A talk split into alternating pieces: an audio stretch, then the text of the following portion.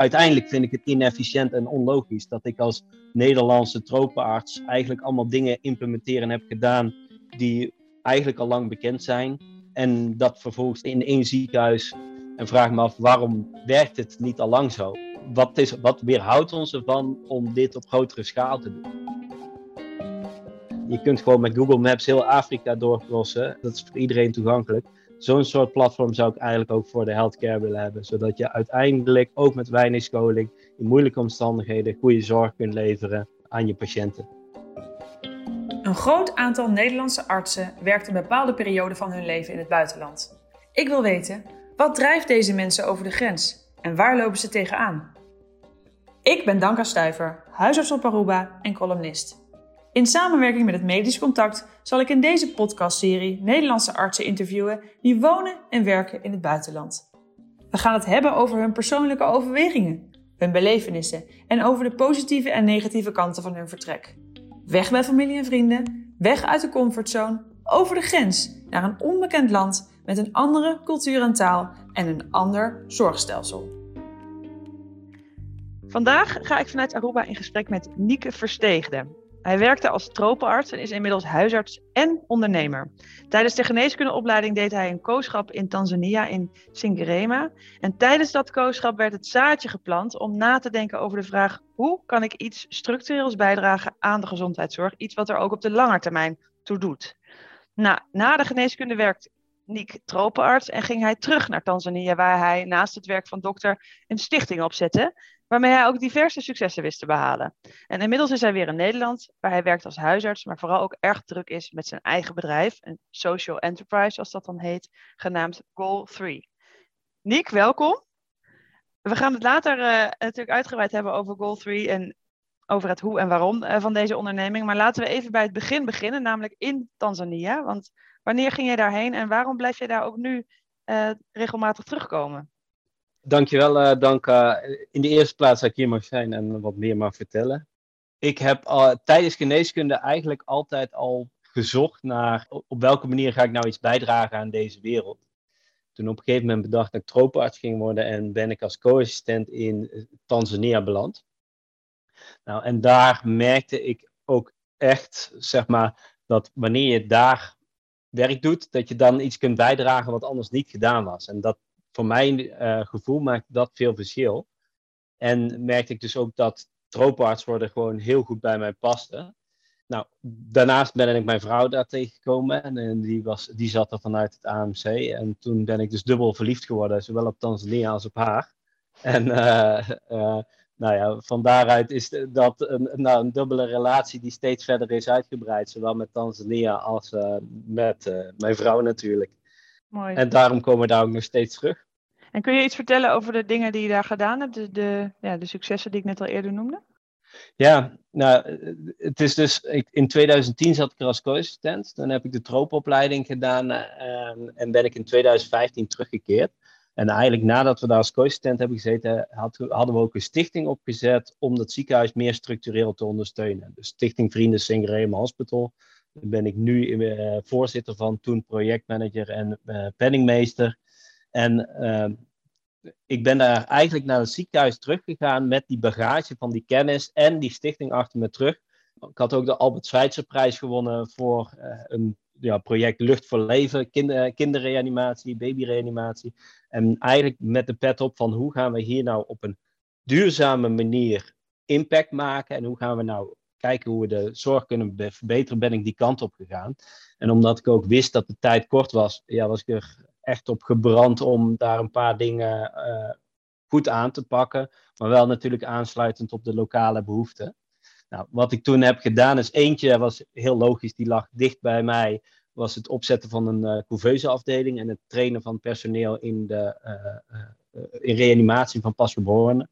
Dat sloot ook heel goed aan bij de behoeften van het ziekenhuis en waar het ziekenhuis op dat moment mee bezig was.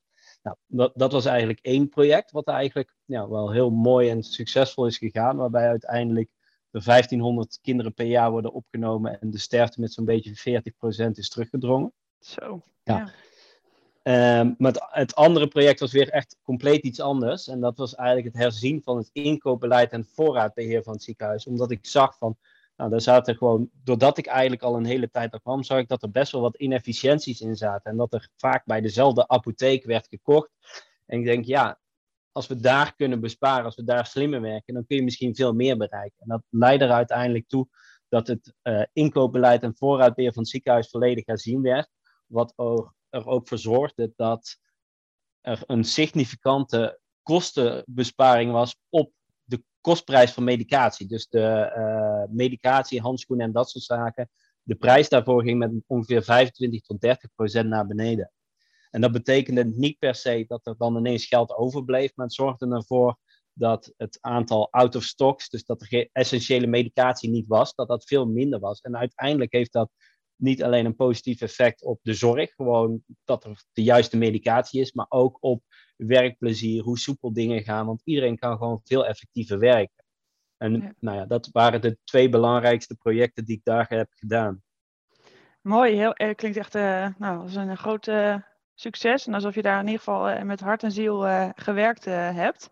Maar wat denk ik goed is voor de luisteraars om een beetje meegenomen te worden naar Tanzania, een beetje te snappen van um, wat jij daar meemaakte en welke frustraties je daar, daar um, had. En wat het ook de, de voedingsbodem natuurlijk is geweest om, uh, om deze projecten te starten. Dus kun je misschien nog wat een voorbeeld noemen uh, en, en de luisteraar een beetje meenemen in jouw ervaring daar? Ja, dat kan zeker. Ja, het is dan altijd moeilijk om, de, uh, om er één te kiezen natuurlijk. En ik denk ook dat het uiteindelijk heel uiteenlopende ervaringen zijn die ja, mij maken tot wie ik ben. Maar ja, wat ik zelf heel moeilijk vond, was nou, bij het opzetten van zo'n couveuseafdeling of die zorg voor baby's, was dat hoewel die effecten eigenlijk heel groot waren, dat je uiteindelijk ziet dat de sterfte nog altijd tien, uh, tien keer hoger is dan in een, in een westers ziekenhuis. Dus dat er uh, toch nog veel kinderen onnodig overlijden. En wat daarbij ook meespeelt, is ook het gevoel wat je daar als arts soms hebt. Gewoon van dat het nooit genoeg is. Dat, uh, dat hoe hard je ook werkt, wat je ook doet, dat je uiteindelijk niet de zorg kunt leveren die nodig is. En dat het, hoewel je heel goed en mooi werk doet, en dat, dat het toch nog het gevoel van falen geeft. Uh, en eh, nou ja, dat heeft me ook wel weer een diep respect bijgebracht voor ja, mijn collega's daar, die daar jaar in jaar uit uh, eigenlijk die zorg blijven leveren in die moeilijke ja. omstandigheden. Snap ik, ja. ja. Had je daar ook te maken met bijvoorbeeld uh, het probleem met, met, met stroomvoorziening, met elektriciteit? Stroomvoorziening was een probleem, maar ook ja, personeelstekorten, dus coll of collega's die er niet zijn, of wisselingen in de wacht. Wat je ook gewoon ziet is dat apparatuur vaak kapot gaat. Dus dat die niet beschikbaar is. Dat je ook niet weet wat de kwaliteit van nou ja, bijvoorbeeld de zuurstofconcentrators is. Of er echt nog wel zuurstof uitkomt of alleen maar lucht. Ja, die, dat is best wel uiteenlopend. En soms ook wel culturele barrières. Soms heel grappig. Ik, heb, ik heb ooit een premature tweeling gehad van 800 gram. En uh, dan keek ik op een gegeven moment in de, uh, in de couveuse. En uh, toen hadden ze allebei een, een oorbel gekregen van een oma. Nou ja, dat, dat vind ik dan van die mooie. First things first. ja, ja first things first. Ja, je, je, kunt een beetje, je kunt er dan met je hoofd niet bij. En je denkt, ben je zo heel voorzichtig aan het doen met hygiëne ja. en dat soort dingen. En ja, wordt er gewoon een, uh, ja, echt een piepklein oorbelletje werd, er, werd erin gedaan. Of was er twee ja. verschillende kleurtjes dat de oma ze niet uit elkaar kon houden misschien? Nee, nee. Het, het, het, dat niet eens. was eigenlijk... Nee, niet eens. Het was eigenlijk meer alsof ze een soort houten splinter erin had gedaan. Ja, dat was echt, ja, ja, nou ja, er werd goed voor ze gezorgd. Hoor. Dus, dus, dus dat was heel leuk. Um, maar ook um, ja, wat, wat ik zelf, een, een van de dingen die het meeste indruk heeft op mij heeft gemaakt, is denk ik een keer toen ik ja, bijna, nou ja, toen zat ik echt wel, uh, ik, ik denk als ik een jaar op dezelfde manier had doorgewerkt, dan was ik zeker burn-out geraakt. Dus dat was op een moment dat ik echt wel diep zat. En toen ging ik om half acht uh, s'avonds, nadat ik de lunch uh, had geskipt, ging ik naar huis om uh, dan toch met te eten. En echt wel moe, want ik deed dat soms drie dagen achter elkaar uh, dienst. Dus dan was je nou, 72 uur in touw en dan sliep ik vier, uur per dag en de rest was ik aan het werk. En na zo'n periode liep ik zo naar huis en werd ik aan mijn mouw getrokken door een, een zwangere vrouw. En ik zei, nee, sorry mama, ik kan nou echt niks doen. Ik moet, ik moet door, ik moet naar huis.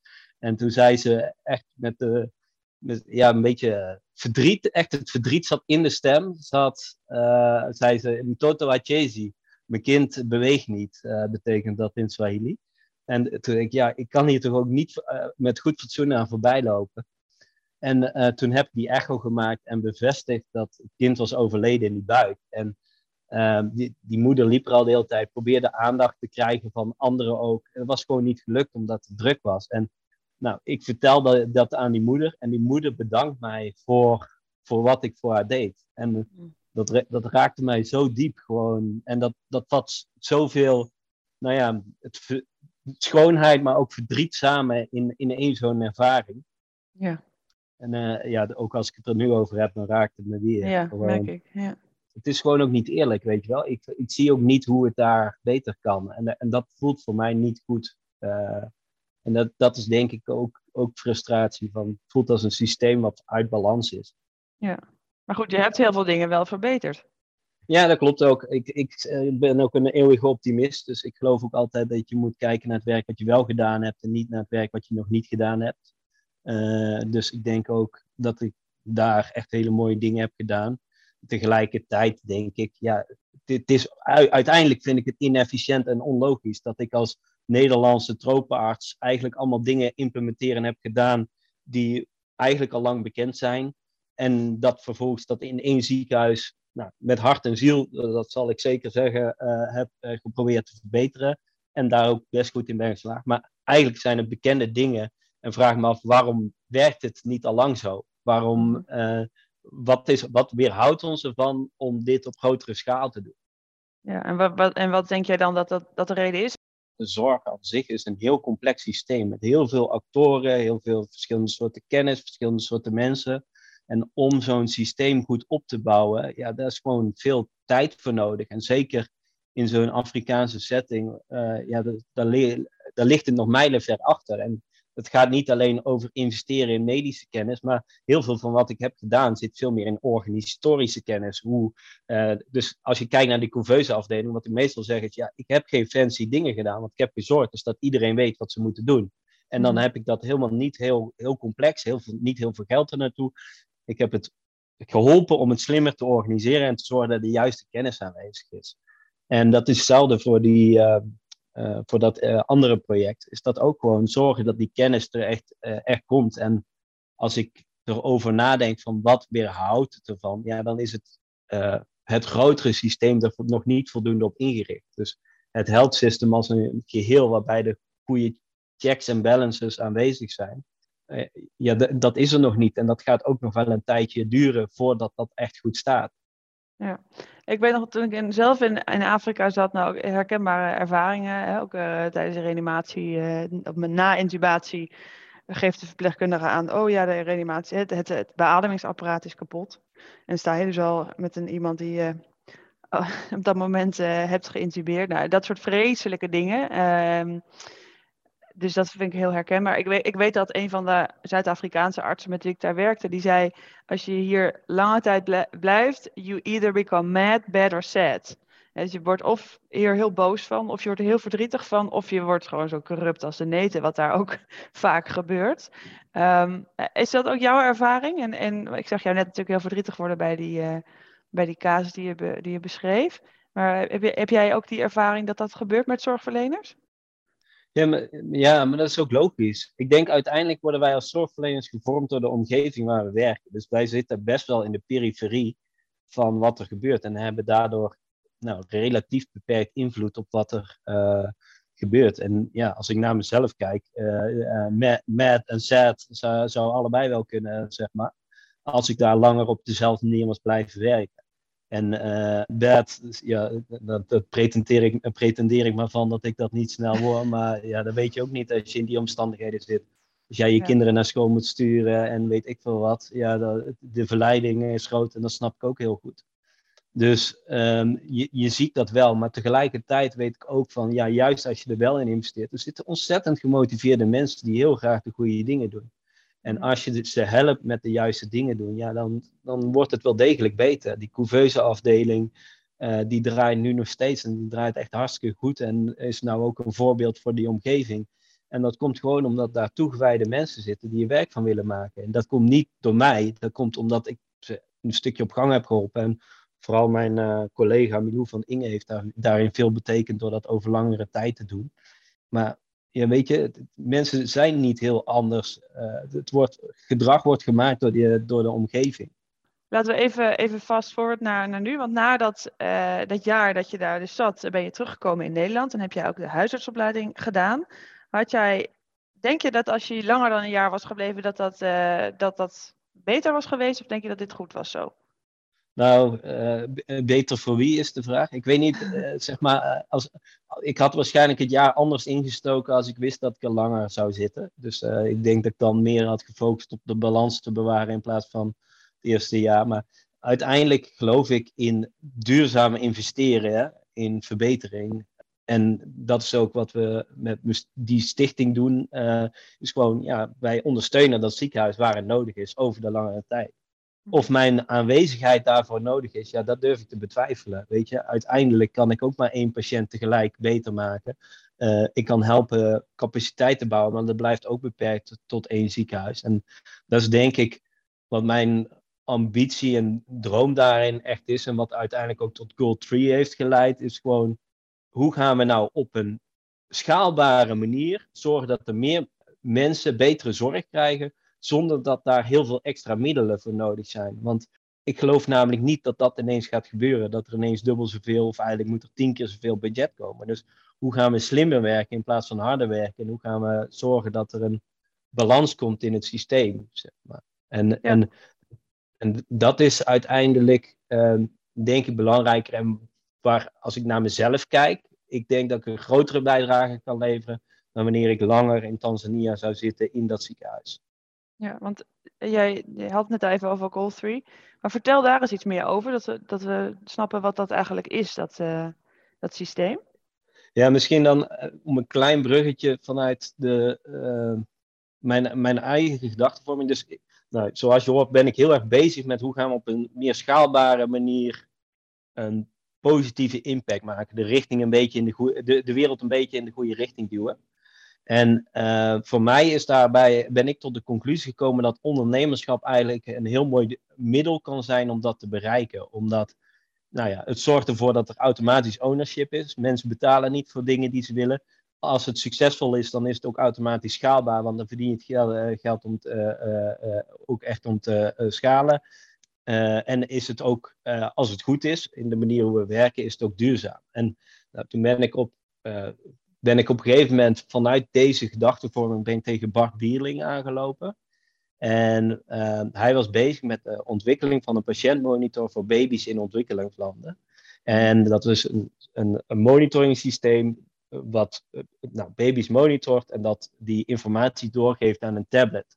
Nou, gezien mijn eigen ervaring sloot dat natuurlijk heel goed aan. En ik zag daar heel veel potentieel in, ook geïnspireerd door de smartphone hoe de smartphone eigenlijk de wereld om ons heen verandert, zonder dat uh, politiek of wie dan ook zich daarmee bemoeit, om het zo maar te zeggen.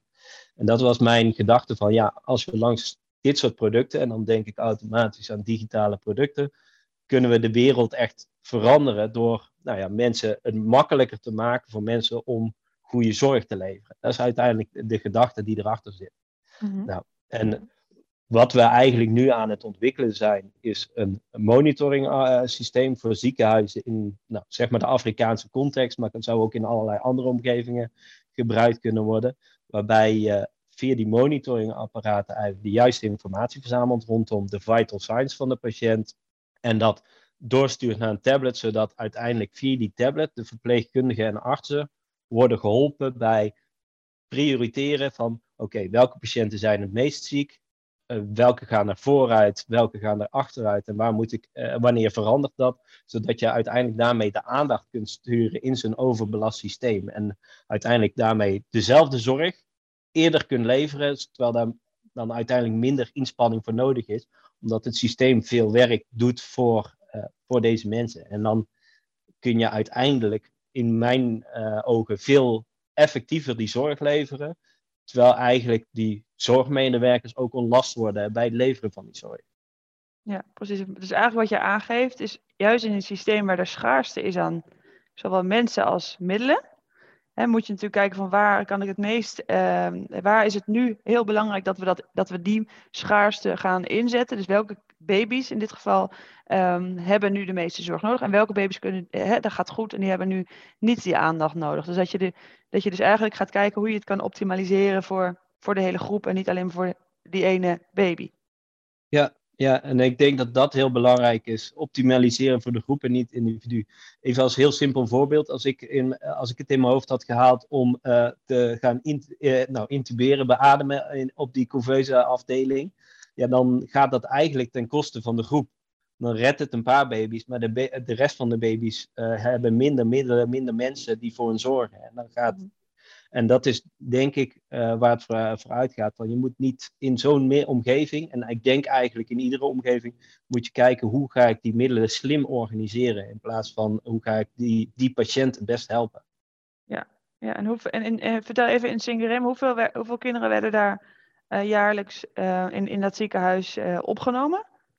Ja, dus in, um, in Sengerema worden op dit moment jaarlijks ongeveer 4.500 kinderen opgenomen. Dus dat zijn een beetje uh, 2.500, 3.000 kinderen ouder dan een maand en dan uh, ongeveer 1.500 tot 2.000 uh, baby's. Mm -hmm. um, en um, wat onze gedachte is, als je bij deze groep, het, het zijn projecties, maar ik denk wel dat ze heel reëel, zo niet heel erg conservatief zijn. Als je met zo'n systeem als wat ik schets ervoor zou kunnen zorgen dat de sterfte met 10% eh, afneemt, wat heel haalbaar moet zijn. Want 10% minder sterfte betekent eigenlijk dat je één uur eerder moet ingrijpen, omdat de sterfte met 10% per uur toeneemt als je sepsis, malaria en dat soort aandoeningen niet behandelt. En uh, dat je tegelijkertijd voor kostenbesparing kunt zorgen, omdat uiteindelijk als je minder uh, niet zo kwetsbare kinderen hoeft op te nemen, en ze ook sneller naar huis kunt laten gaan, dan heb je eigenlijk minder lichtdagen en leidt dat tot een besparing. Waardoor ja, zo'n manier van werken uiteindelijk zowel de kwaliteit verbetert, de werkdruk vermindert en uiteindelijk ook kosten bespaart voor zowel de patiënt als voor het ziekenhuis, zeg maar. En dan daarmee de maatschappij. Ja, Nick, ook in uh, Nederland kennen we natuurlijk inmiddels een, een schaarste aan, um, met name aan mensen, middelen niet zozeer. Um, denk jij dat een systeem zoals Goal 3 dus ook bij ons in Nederland uh, zinvol kan zijn? Ja, dat denk ik zeker. Um, dus even, um, het systeem zoals we dat maken is op zich een platformoplossing in de zin, het kan op allerlei verschillende manieren worden toegepast. Dus het gaat er uiteindelijk om van hoe ga je die informatie slimmer organiseren, de aandacht beter organiseren, hoe ga je eerder diagnosticeren. En denk ik ook dat dat in verschillende situaties in Nederland ook kan worden toegepast. Nou, um, niet meteen in het ziekenhuis, want hier moeten wij op de meest complexe omgevingen waar al veel staat, zouden we dan moeten concurreren met zo'n Philips uh, systeem bijvoorbeeld. Maar ik kan me bijvoorbeeld voorstellen dat we in thuissituaties en dergelijke, dat we daar kunnen toepassen. Maar ik denk dat de vraag ook voor een belangrijk stuk is, in hoeverre kan het systeem mee vormgeven om om dat ook daadwerkelijk te bewerkstelligen. Omdat het vaak ook vergt dat er op een andere manier wordt samengewerkt, dat er op een andere manier dingen worden vergoed om het uiteindelijk naar een nieuwe ja, practice, een nieuwe manier van werken te brengen. Ja. En ik denk dat daar vooral de grote uitdagingen zouden zitten. Ik zie op heel veel uh, plekken toch wel ja, dat we ja, toch nog vanuit onze gevestigde huisjes denken. Dus veel zorg is ge georganiseerd rondom de provider en niet per se om de patiënt. Maar ook het systeem van hoe we samenwerken als uh, nou, huisartsen met het ziekenhuis. Uh, ja, dan vind ik dat niet goed verloopt. Bijvoorbeeld als ik kijk naar medicatie en medicatie herhalen en uh, bewaken daarvan, vind ik dat we eigenlijk uh, allemaal bezig zijn met het wiel opnieuw uitvinden. Dus ik heb eh, als onderdeel van mijn differentiatiebeleid en beheer heb ik een medicatieplan bekeken van hoe zouden we dat beter kunnen doen. En als ik nou, samenvat wat, ik, wat er gebeurt in de praktijken uh, die ik heb gezien, dan wordt er eigenlijk heel vaak vanuit de patiënt herhaald. Op het moment dat door de patiënt uitkomt, wordt dat niet synchroon gedaan. En wordt er eigenlijk 12, 13 keer per jaar naar een fragmentje van dat medicatie herhalen van die patiënt gekeken. In plaats van dat er systematisch wordt gekeken, één keer welke problemen heeft de patiënt, passen die medicijnen daarbij en kunnen we op deze manier doorgaan. En het zorgt ervoor dat, nou, in de praktijk waar ik zat, kreeg je dan om vijf uur voor zo'n lijst met autorisaties, dat ik nauwelijks tijd had om daar echt goed naar te kijken. En dan, ja, keek, klikte bijna van, maak ik nou iemand dood of, of niet? En als ik niemand dood maakte, dan zei ik, nou goed, ga maar door, dan, dan kan het wel.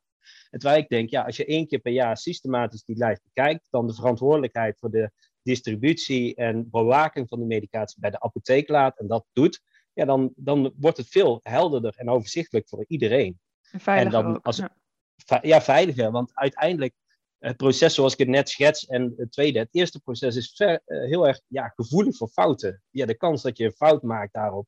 Ik heb ook veel dingen gezien waarvan ik denk, ja, dit had er makkelijk uit kunnen gehaald kunnen worden. Dus um, een man van 40 die een Barrett's esophagus had. Dus ik dacht dat hij ten onrechte een PPI kreeg, al zeven jaar zonder dat hij ooit op spreekuur was gehad. Maar hij kreeg het terecht, maar hij was, uh, uh, hij was onterecht niet opgeroepen door niemand. Nou, en, en eigenlijk als we die controle, als we dat systeem beter inrichten, dan kun je gewoon fouten voorkomen en maak je het makkelijker. En heel veel van de fouten die we maken komen voort uit een slechte organisatie. En ik vind dat zelf, als je kijkt naar uh, de luchtvaart. De luchtvaart is iets waar heel sterk op veiligheid wordt uh, gestuurd. En wat ze daar doen, is eigenlijk kijken, systematisch kijken, wat is er misgegaan? Niet wie heeft wat fout gedaan, maar wat is er misgegaan? Of wat is er bijna misgegaan? Hoe kunnen we dat verbeteren? En hoe zorgen dat dat in het vervolg de kans op die fout steeds kleiner wordt? En dat, dat gaat niet om uh, naming en shaming, maar dat gaat erom dat we dat gaan doen. Maar nou ja, dat vergt erom dat we, als we dit soort dingen onderzoeken, dat we niet kijken naar de schuldvraag. Maar het vergt ook dat we misschien verder gaan samenwerken en beleid, bereid zijn om dingen te standaardiseren en uh, samen te werken en dingen los te laten, om uiteindelijk te zorgen dat we makkelijker, makkelijker veilige zorg aan onze patiënten kunnen leveren.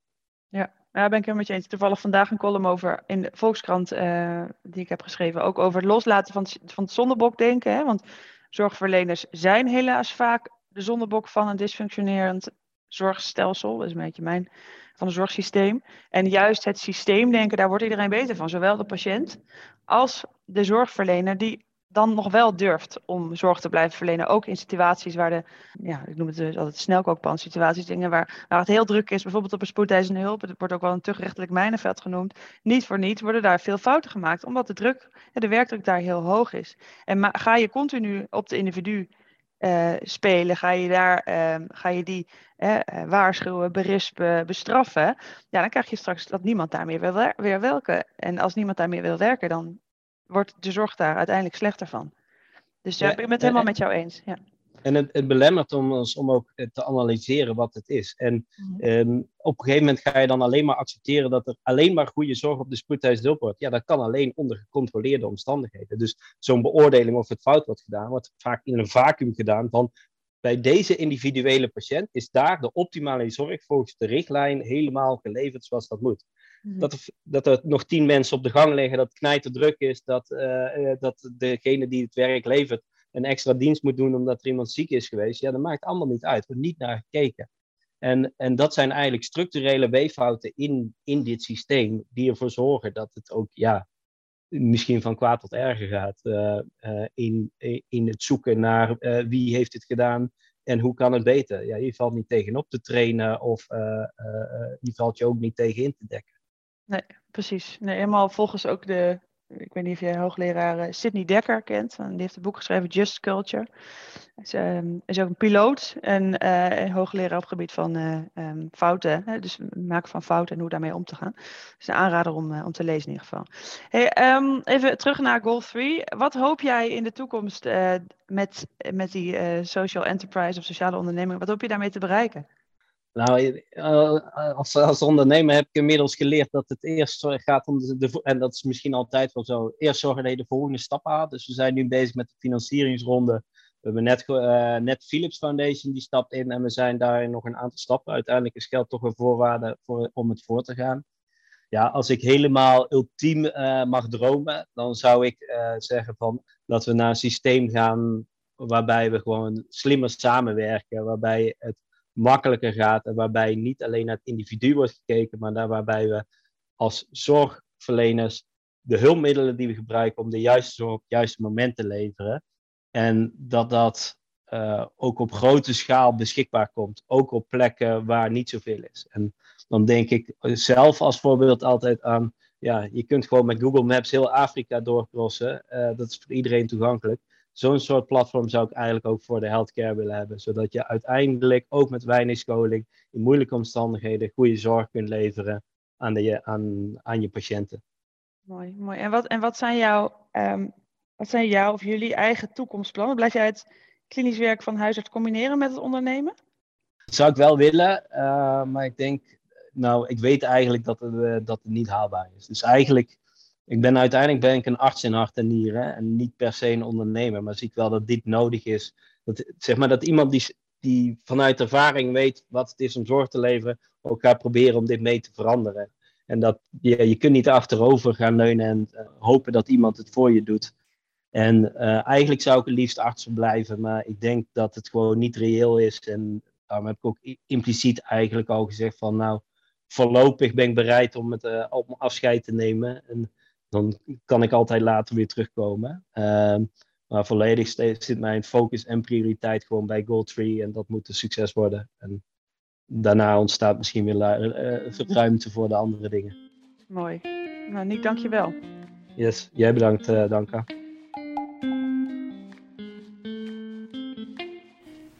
En dit was weer het einde van deze podcast met Niek Versteegde, huisarts, tropenarts en ondernemer. En hij nam ons op verschillende manieren mee over de grenzen van de geneeskunde. De volgende keer ga ik in gesprek met Carlijn Hoedemaker. Zij is huisarts en werkte zeven jaar lang in Nieuw-Zeeland en is inmiddels meer dan een half jaar werkzaam als huisarts in Cambodja, in Phnom Penh. En over dat laatste zal ze ons vertellen in de volgende podcast. Heb je naar aanleiding van deze podcast vragen of tips voor mij? Mail die dan naar redactie.medischcontact.nl. Hopelijk tot de volgende keer.